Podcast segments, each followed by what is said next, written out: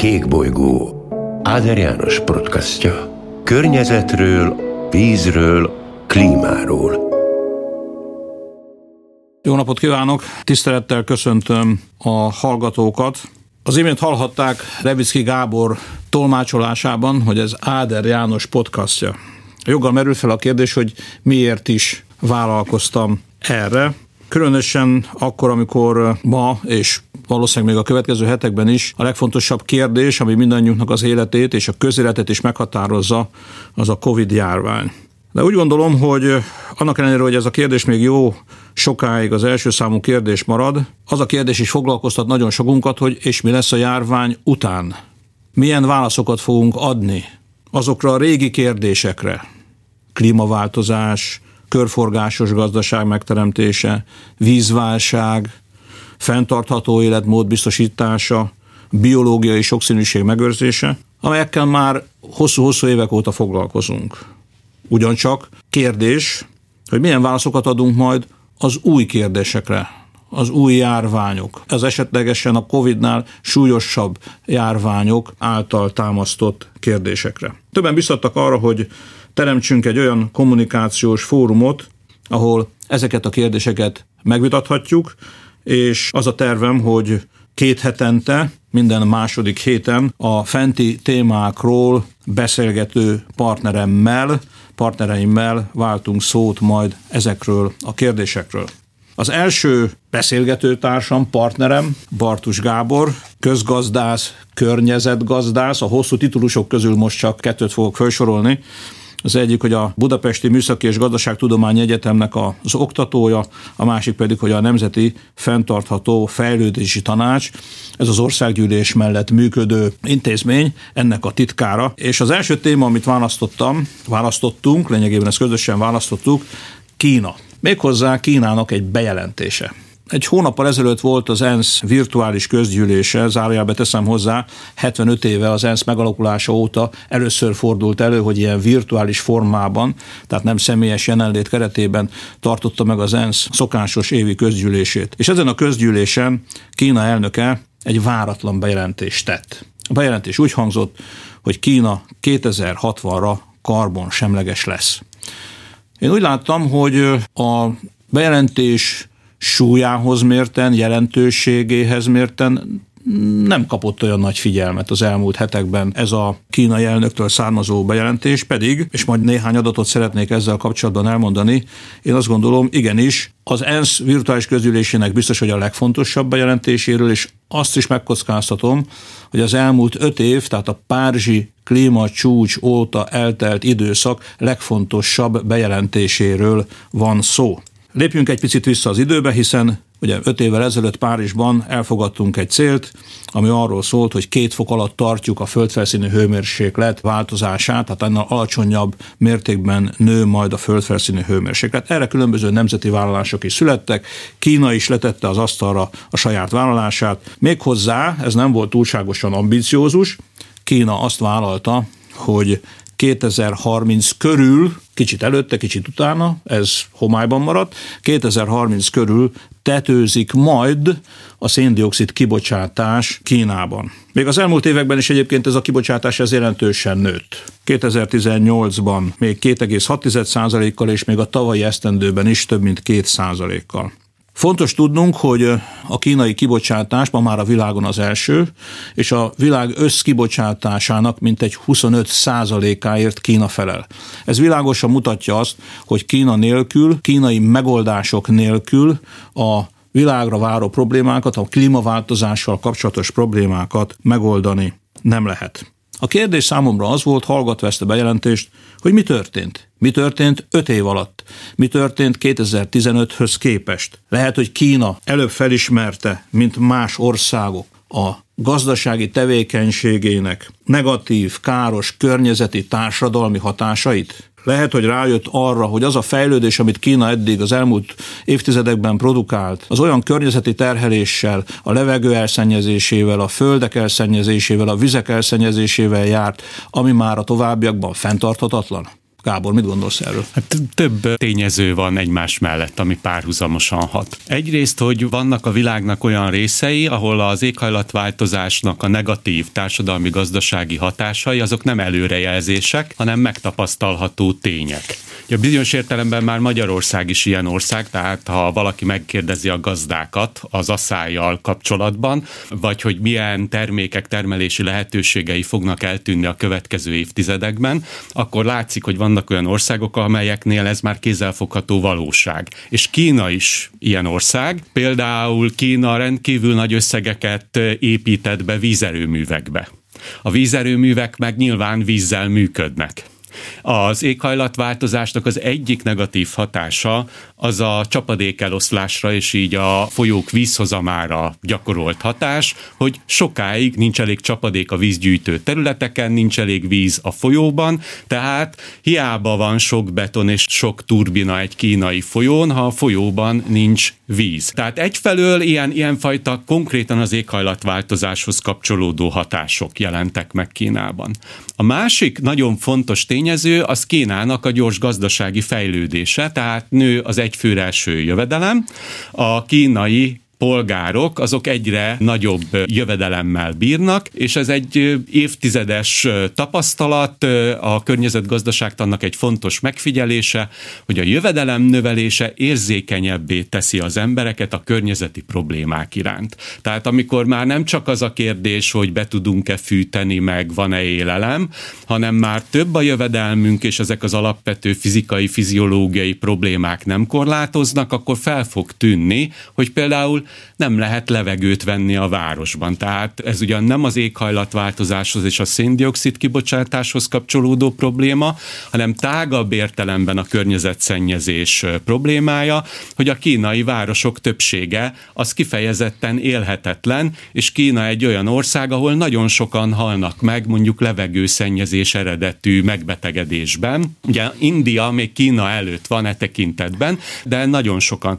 És nyilvánvaló, hogy a kínai vezetés számára ezek most már egyre kézzelfoghatóbb problémák, tehát egyre inkább a polgárok életszínvonalát a környezetszennyezés jelenségei negatívan befolyásolják, és el kell kezdeni ezzel foglalkozni. Tehát azt gondolom, hogy egyfelől ezen kínai bejelentés mögött ezek a fajta a környezetszennyezésből fakadó negatív Kínában megtapasztalható következmények állnak.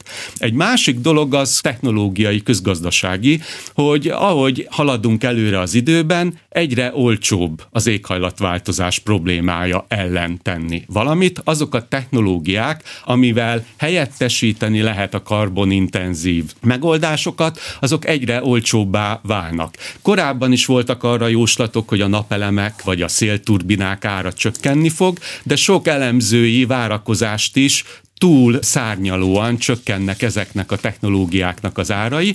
Tehát gyakorlatilag, ha egy kormány úgy gondolta tíz évvel ezelőtt, hogy nagyon sokba kerül egy klímabarát gazdaságfejlődési pályára átállni, most tíz évvel később, vagy öt évvel ezelőtt még így gondolta, de eltelt öt év, tehát öt-tíz év itt elég jelentős költségcsökkentő hatásokat jelent az éghajlatváltozás kezelésében. Ugye természetesen mi nem vehettünk részt a kínai kommunista párt központi bizottságának azon ülésén, ahol ezt eldöntötték, tehát nyilvánvaló a konkrét okokról nem biztos, hogy tudomásunk lesz valaha is, de ha egy közgazdásznak vagy környezetgazdásznak találgatnia kellene, hogy mi áll a kínai bejelentés hátterében, akkor valami ilyesmikre lehet gondolni. Ugye természetesen mi most naívan azt feltételezzük, hogy ezt a bejelentést az ehhez tartozó szükséges intézkedések is fogják majd követni, tehát nem egy levegőbe elszálló egyszeri bejelentésről van szó,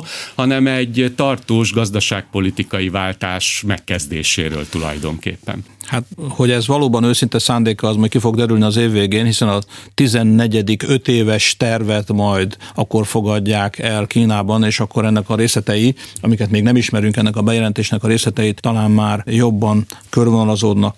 De visszakanyarodva arra, amit mondtál, én olvastam korábban még bejelentés előtt jóval korábban egyébként egy elemzést, ami azt mondta, hogy az elmúlt évtizedekben a kínai GDP növekedése ez olyan 7 és 10 százalék között volt. Nem nagyon volt 7 százalék alatt, és volt többször is 10 százalék fölött. Tehát egy jelentős gazdasági növekedés produkál Kína.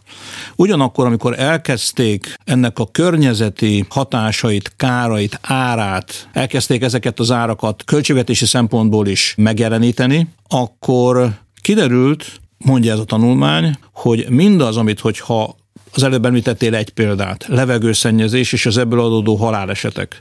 Folytatom tovább, szennyezett víz és az ebből adódó pluszköltségek, amivel egyébként biztosítani kell a lakosság, a mezőgazdaság és az ipar megfelelő minőségű vízzel való ellátását. Többletköltségei vannak ennek, és ezeket lehetne még sorolni. Ezeket elkezdték összeadni, és kiderült, hogy hiába van 7 vagy 8 vagy 9 százalékos GDP növekedés, de valójában az a kár, amit mi okozunk, az ezt meghaladja és ezután kezdődik el ez a gondolkodás, hogy jó, jó, akkor ne okozzunk magunknak több kárt, tehát ne veszítsük el a réven, amit megnyertünk a vámon vízerőművek, amit mondtál, csak egy mondat. Igen, ma már nem csak Kínából, hanem sok más országból is lehet látni üres tározókat, hosszú-hosszú hónapokon keresztül üres, víz nélküli tározókat, amik természetesen energiatermelésre ilyen módon nem alkalmasak, és nyilvánvalóan a beruházás megtérülési idejét lényegesen megnövelik. Életszínvonal emelkedése szintén fontos tényező, és azt pontosan tudjuk, ez a világ más országára is igaz, hogy ahogy emelkedik az életszínvonal, illetve ahogy nő a népesség, az energiafogyasztás és a vízfogyasztás ez sokszorosan meghaladja. Tehát nem olyan arányban nő a vízfogyasztás, hanem kétszeres mértékben, és nem olyan arányban nő az energiafogyasztás, hanem háromszorosan, mint ahogy egyébként a népesség nő. Ez pedig többletigényeket teremt. Tehát ebből logikusan következik. Az a kérdés, amit olvasva ezt a hírt, nyilván nem csak bennem merült fel, hogy vajon a kínai vezetésnek ez a vállalása reális-e? Reális-e, és a másik kérdés, ami ebből logikusan következik, és mindez mennyibe fog kerülni. A Tsinghua Egyetem, ez egy pekingi neves egyetem, készített egy becslést, hogy mi fog történni a következő 40 esztendőben 2060-ig, és azt írták, hogy 2025 és 30 között még nőni fog egyébként Kínának a kibocsátása, valahol ott következik be a tetőzés. 2035-ben, tehát mostantól számítva 15 év múlva fogja elérni a mai szintet. 2050-re újabb 15 év múlva viszont a mai szintnek az egyharmadára fog csökkenteni a kibocsátás, ez egy nagyon-nagyon jelentős, tehát a világtörténelemben ilyen mértékű kibocsátás csökkentés, ha csak nem háborúról vagy gazdasági válságról van szó, nem történt még meg, tehát ez példanélküli. És 2060-ra, tehát 10 évvel később pedig még ennek a 90%-át is, az akkor megmaradt kibocsátásnak a 90%-át is eltüntetik. Egy amerikai kutatóintézet pedig, egy Stanfordi amerikai kutatóintézet pedig egy költségbestést is közzétett, és azt írta le, hogy a mai kínai GDP körülbelül 40 ába kerülne ez az átalakítás. No tehát, reális lehet ez a vállalás, és a költségek azok vajon előteremthetőek-e még egy ilyen fegyelmezett ma még bizonyos szempontból tervgazdasági keretek között működő gazdaság számára is, mint a kínai gazdaság, és egy ilyen óriási gazdasági potenciállal rendelkező gazdaság elő tudja a szükséges forrásokat vajon teremteni. Hát igen, a 40 százalék az az elkövetkező 40 évre szétosztva jelentkezik, tehát Ez igaz. egy nem túl precíz osztással, mert ugye nem diszkontálunk meg, stb. Tehát most nem precíz közgazdasági logikával, de azt mondom, hogy ez nagyjából évente a GDP egy százaléka.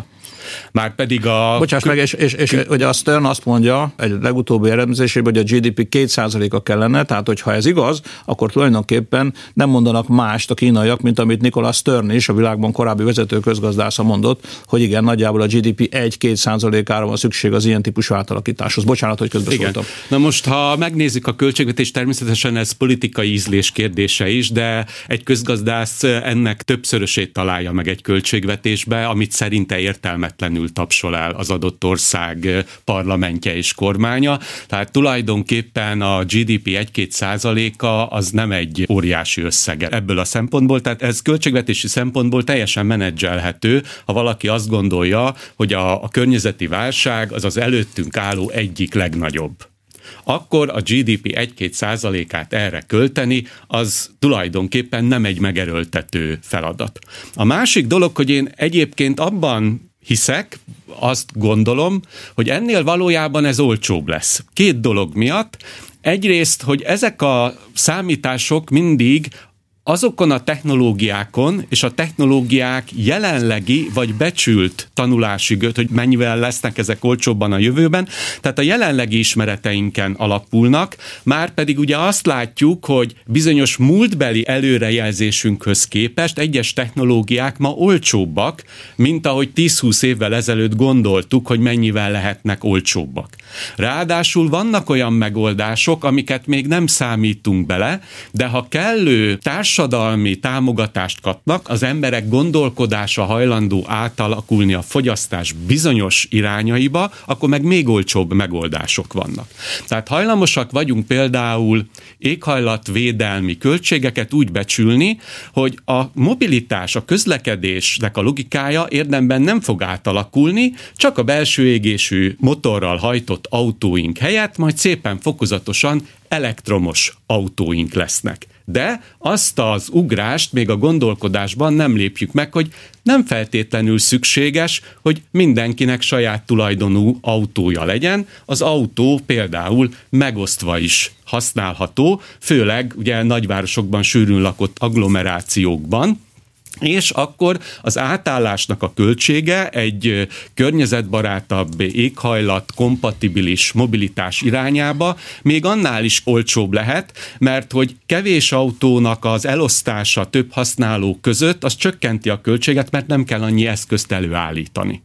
Tehát vannak ilyen becslések, hogy a jelenlegi mobilitási szükségletünk, az autó állományunk kevesebb, mint tizedével is lebonyolítható, ha szisztematikusan megosztjuk ezeket a járműveket egymással. Tehát valójában, ha ezek a gondolati változások hatnak ránk, és elfogadjuk, hogy mondjuk autót vagy más eszközt is megosztva használjunk, tehát valamiféle ilyen logikai, logisztikai változtatásra is hajlandóak vagyunk, akkor tulajdonképpen ennek a a karbonsemleges világnak az elérése még annál is olcsóbb lehet, mint amit a közgazdászok ma előre jósolnak. Hadd egészítsem ki a példádat. Ugye most, ha a járványnak van valamilyen jótékony, hát ilyen nem nagyon van, de olyan tanulsága, amit mondjuk, amit tudunk hasznosítani, vagy a javunkra tudunk fordítani.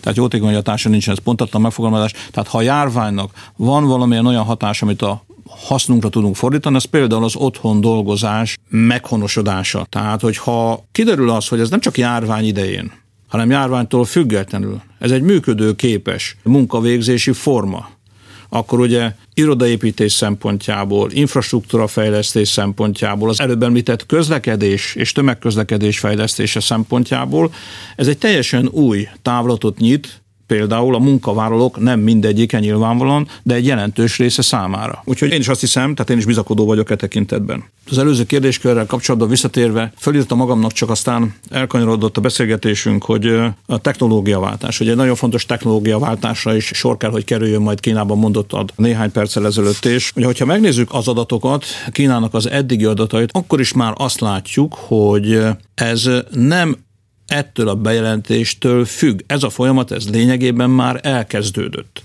Hiszen, csak néhány adat a kedves hallgatóknak, ami amikor én először találkoztam ezekkel az adatokkal, engem bizony meglepett, és azt feltételezem, hogy lesz olyan hallgató, akinek ez új információ lesz, ugyanúgy, mint nekem volt ez akkor, amikor először olvastam. Már ma is Kína gyártja a világon a napelemek 70%-át.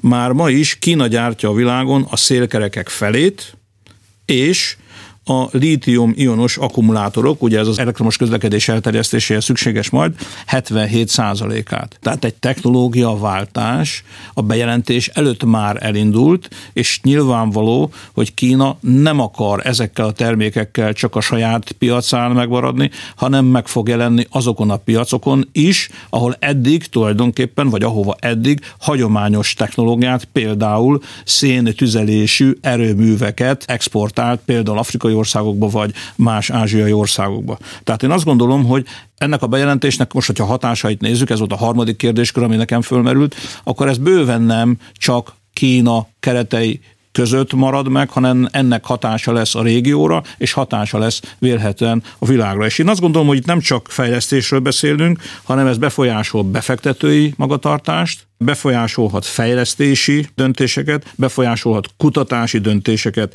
kereskedelmi döntéseket, és nem utolsó sorban szerintem ennek lesz geopolitikai hatása is. Hogy csak néhány példát mondjak. Tehát, hogyha tényleg a kínai vezetés ezt komolyan gondolja, szerintem komolyan gondolja, akkor érdemes a fosszilis energiaiparban Kínába fektetni? Nyilván nem. A fejlesztéseket érdemes inkább a zöld iparba, a fenntartható fejlődés irányába fordítani? Nyilván igen. Mondjuk például az ausztráloknak erősen el kell gondolkodniuk, hogy majd hova fogják eladni a szenüket, amit eddig nagy mennyiségben Kínába adtak el, de ezek után nem fogják tudni majd Kínának eladni a szenet. Tehát azok a hajók, amelyek egyébként sok-sok tonna szenet, sok-sok millió tonna szenet szállítottak Kínába, azoknak a működése feleslegessé válik. És a kutatási, fejlesztési forrásokat is, és az elképzeléseket is ennek megfelelően át kell alakítani. És a geopolitikai rész, ezt talán meg is adná a mai beszélgetés kereteit, de azt sem becsülném le, hiszen Kína ebben a pillanatban bejelentette az igényét, hogy ő egy 21. századi technológia, technológia sor tekintetében piacvezető szeretne lenni. Tulajdonképpen nem is az a, az érdekes, hogy Kína mit gyárt, mert tudjuk, hogy mindent Kínában gyártanak, hanem az, hogy mennyire használják saját maguk.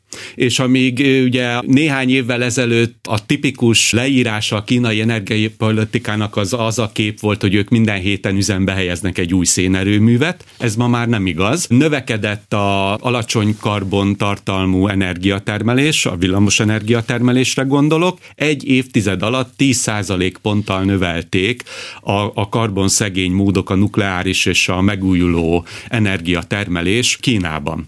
Tehát, hogy gyakorlatilag azért érdekes tulajdonképpen ez a kínai bejelentés, és hogyha látni fogjuk, hogy ehhez ténylegesen milyen intézkedések, milyen új gazdaságpolitika, milyen új innovációs politika kapcsolódik, hogy ez gyakorlatilag egy olyan pozitív példa lehet más közepesen vagy alacsonyan fejlett országok számára is. És tulajdonképpen így az éghajlatpolitikánál egy jóval nagyobb jelentőségű bejelentésnek vagy váltásnak tarthatjuk ezt, mert azt mutathatja meg, hogy egy országnak, egy társadalomnak nem kell megvárnia a környezetvédelemmel, a zöld technológiákkal, azt az életszínvonalat, vagy azt a gazdasági teljesítmény színvonalat, amikor ők már nagyon gazdagok. Tehát az eddigi fejlődési mintázata az volt az országoknak, hogy az országok először nagyon gazdagok lettek, és amikor már nagyon gazdagok voltak, akkor felfigyeltek arra, hogy jé, hát tönkretesszük a természeti környezetünket, és elkezdtek mindenféle környezetvédelmi intézkedéseket alkalmazni,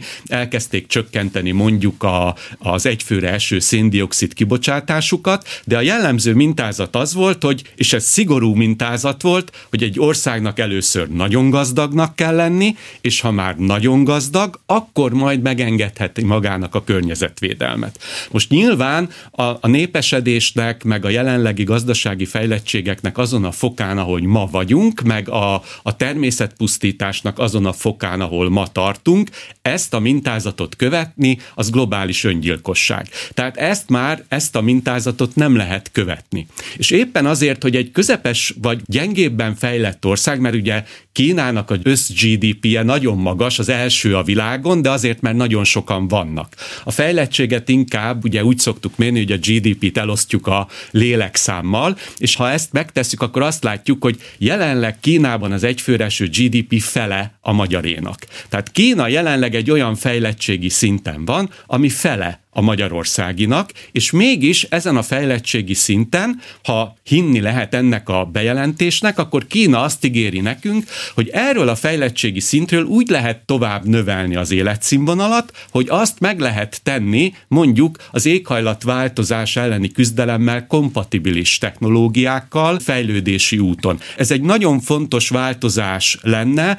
hogy, hogy azt felismerjük, hogy már alacsonyabb jövedelmi szinten is megvannak azok a technológiai lehetőségeink, megvannak azok a gazdaságszervezési lehetőségeink, amelyekkel úgy fent tudjuk tartani a további életszínvonal növekedést, hogy az nem jár a természeti tőke föláldozásával. Sőt, ennél még tovább mennék, és most kockáztatok, tehát egy olyan feltételezéssel élnék, amiről később simán bebizonyosodhat, hogy adott esetben nem volt igazam, de azt gondolom, hogy a 2020-as évtizedben azok az országok fognak jól járni a tartós GDP növekedés tekintetében, akik hajlandók szigorúbb korlátokat szabni a természeti erőforrás felhasználásának. Ez ugyanis egy jelentős innovációs hullámot generálhat, tehát ha megváltoznak a termelés-fogyasztás szabályai, ahhoz az emberek igazodnak, a vállalkozók is igazodhatnak, és új technológiákat, új termékeket új szolgáltatásokat kínálhatnak nekünk, és valóban egyetértek veled János abban, hogy a járványnak van ez a pozitív externáliája, természetesen nem kívántuk magunknak ezt a járványt, de ha már itt van, nagyon sok mindent megtanultunk belőle, hogy hogyan lehet bizonyos akár munkavégzési tevékenységeket, akár fogyasztási szokásokat úgy megváltoztatni, hogy mivel ez kényszerből igazodnunk kellett a járványhoz, de ha már megszoktuk és bevált, akkor ez hosszú távon környezetvédelmi szempontból jó lehet. Tehát, hogy nem egyesével járunk el a város széli hipermarketbe bevásárolni, hanem a kereskedő cég furgonja szépen végigmegy, és a fogyasztóknak szétosztja az alapvető élelmiszert, a heti nagy bevásárlást. Távmunka ebből a szempontból valóban egy nagyon fontos, pozitív példa.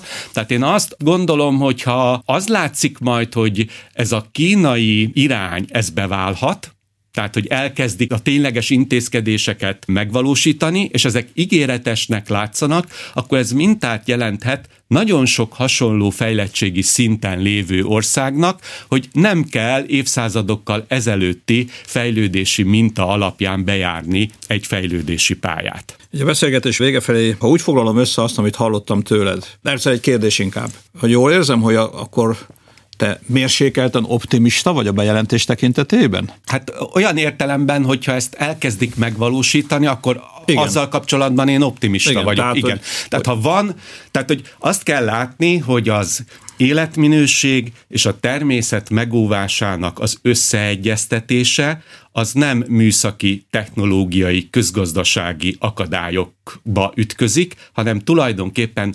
társadalmi-pszichológiai akadályokba. Tehát, hogy egy, egy nemzeti közösség hajlandó-e szembenézni ezzel a problémával, és azt mondani, hogy igen, akkor kis pszichológiai erőfeszítésekkel, de módosítok a fogyasztási szokásaimon, ami magával vonja a termelési szokások módosítását, tehát tulajdonképpen nincs érdemi technológiai vagy érdemi közgazdasági oka annak, hogy megmentsük a világot, tulajdonképpen ez csak elhatározás kérdése. Ha tehát a kínaiak elhatározása valós, akkor én optimista vagyok. Ugye az ha. én pessimizmusom abból fakad, hogy én már sok bejelentést hallottam, amiből aztán semmiféle konkrét intézkedés vagy megvalósulás nem következett később. Ez adja a pessimista oldalamat. Igen, de az eddigi beszélgetésből inkább az optimista oldalat jött ki, úgyhogy a kedves hallgatók, hogyha megengedik, akkor én a konklúzió egy ilyen beszélgetésnek, számomra mi a konklúziója a beszélgetésnek. Javíts ki, hogyha rosszul értettem azt, amit elmondtál. Az első,